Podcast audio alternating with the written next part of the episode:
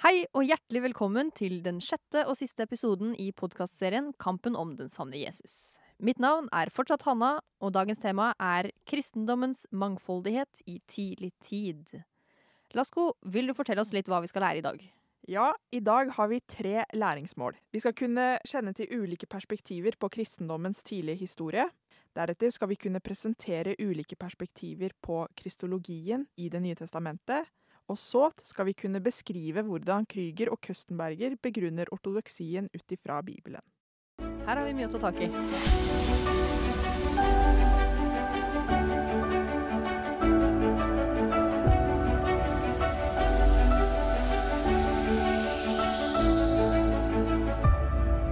Dagens ekspert er Morten Beckmann. Hei, hei. Hallo på deg. Hallo på deg. Ja, Morten. Hvilke ulike perspektiver på tidlig kristendommen er det som presenteres i dette emnet? Kan du gi oss en liten oversikt? Ja, jeg skal prøve. Vi begynner med det klassiske synet på ortodoksi og heresi. Det var litt det vi hørte i den første podkasten, var det ikke det? Jo, så kan du kort oppsummere det.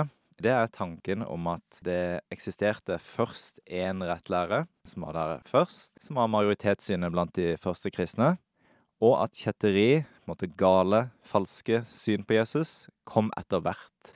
Så den rette lære var der opprinnelig, men seinere ble kristendommen mer mangfoldig, og det kom avvik og kjettere som hevda andre ting om Jesus enn det som var det opprinnelige synet. Så dette er jo det man kaller det klassiske synet. For det baserer seg på historiefortellinga til de som vant disse debattene på 300-400-tallet. Dette synet dominerer jo i særlig konservative kristendomsformer i dag. Er det noen pensumforfattere du kan trekke fram? Ja, vi har trukket inn eh, forfattere med litt forskjellige ulike teologiske bakgrunner for å få se mangfoldet i dette spørsmålet også. Og det ene er jo Krüger og Køstenberger, som står for mer sånn konservativ variant av kristendom. Så de har jo dette tradisjonelle synet på ortodoksi og heresi, og vil støtte seg på det. Og de vil si at kristendommen i utgangspunktet var entydig, at det var én rett lære, én ortodoksi, og at kjettere, det er de som kommer seinere, på et seinere tidspunkt, kommer og hevder andre ting om Jesus enn det som var det opprinnelige. Så de baserer seg veldig mye på det klassiske synet på ortodoksi og heresi. Så er det jo også protestanter, så de ønsker å begrunne dette i Bibelen. Ja, ikke sant. Mm. Skriften alene.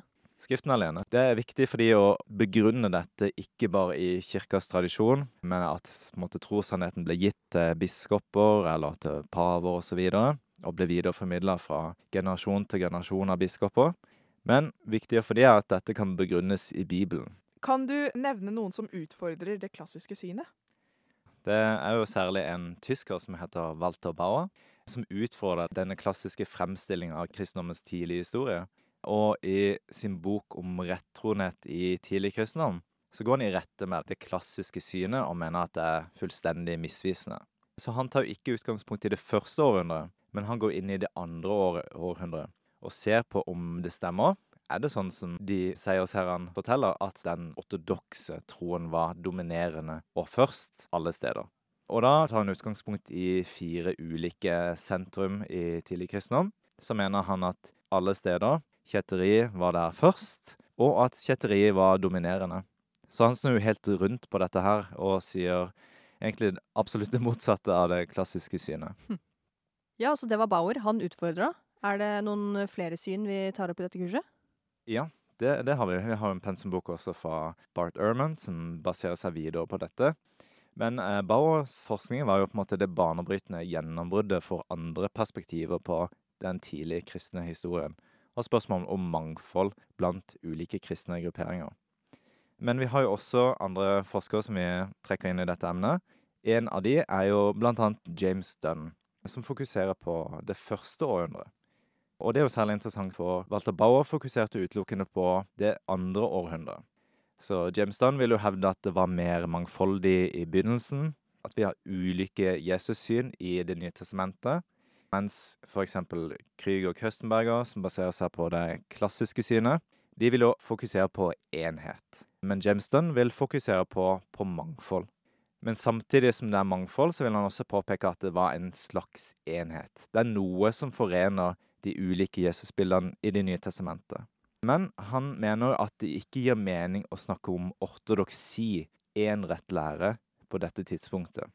Og så er det jo litt spennende hvordan alle disse kristne synene har sin base i Bibelen. Og Bibelen er skrevet, teksten står der, men så har folk oppfattet ting på tydeligvis veldig mange forskjellige måter. Hva kan være grunnen til at uh, man har så mange oppfatninger av ortodoksi, når alle har tatt utgangspunkt i den samme Bibelen? Ja, det, det er et godt spørsmål. Man har én bok. Eller har man det? Man har jo mange manuskripter. Ja. Ikke alle samstemmer. Men så har man også ulike oversettelser som også fremmer ulike syn på Jesus. Så det kan jo forklare i hvert fall noe av mangfoldet. Om at oversettelsene spiller en viktig rolle i å måtte, definere Jesusbildene for de vanlige troende. Så det er jo én ting, men er Bibelen entydig? Hvis vi ser på kirkehistorie, så er det et rungende nei. Eh, det har vært ulike tolkninger av Bibelen til alle tider, og ulike grupperinger har også hatt sine tolkninger av, den samme teksten. Og det har også kommet ulike retninger som har ulike tolkningstradisjoner også, som spiller inn på at uh, f.eks. når protestanter ser på Bibelen er Også et stort mangfold her, da. Men hvis man ser på f.eks. mer konservative protestanter i Norge i dag, så vil kanskje noen hevde en sånn verbal inspirasjon. Bibelen er inspirert ord for ord av. Gud. Og da vil de lese Bibelen på en annen måte enn f.eks. katolikker eh, som tenker at Bibelen må tolkes i lys av kirkas tradisjon. Mm. Eh, så det er ulike måter å, å lese Bibelen på, ulike tolkningstradisjoner og ulike egentlig vektlegginger. Og dette kommer jo sikkert litt til syne også under reformasjonen. Ja, det er interessant at du nevner det, eh, for Norge er jo Iallfall i utgangspunktet var jo et katolsk land, men så ble jo reformasjonen innført i Danmark-Norge. Og dette førte jo til en annen måte å tenke om fortolkninger på. Om relasjonen mellom prester og de vanlige folkene i gata. Og det som er annerledes med måte, Luther, da, det er jo at Luther hevda at alle mennesker var prester. Da snakker man om det allmenne prestedømmet. Så utgangspunktet i den katolske kirke var jo at det var prestene som skulle tolke Bibelen for folket. Men Luther eh, la Bibelen i hendene på lekfolket og sa at du trengte ikke få en fortolkning gjennom presten. Det Luther sa, har jo blitt tolka på litt ulike måter.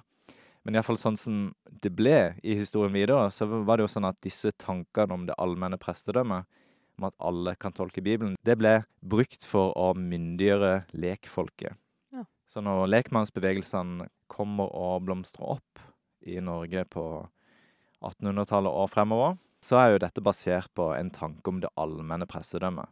Mm. For når man ikke har noe som rettesnor som kirkas trosbekjennelse eller kirkas tradisjon, det er en øverste autoritet som bestemmer, så blir spørsmålet hvem har da rett?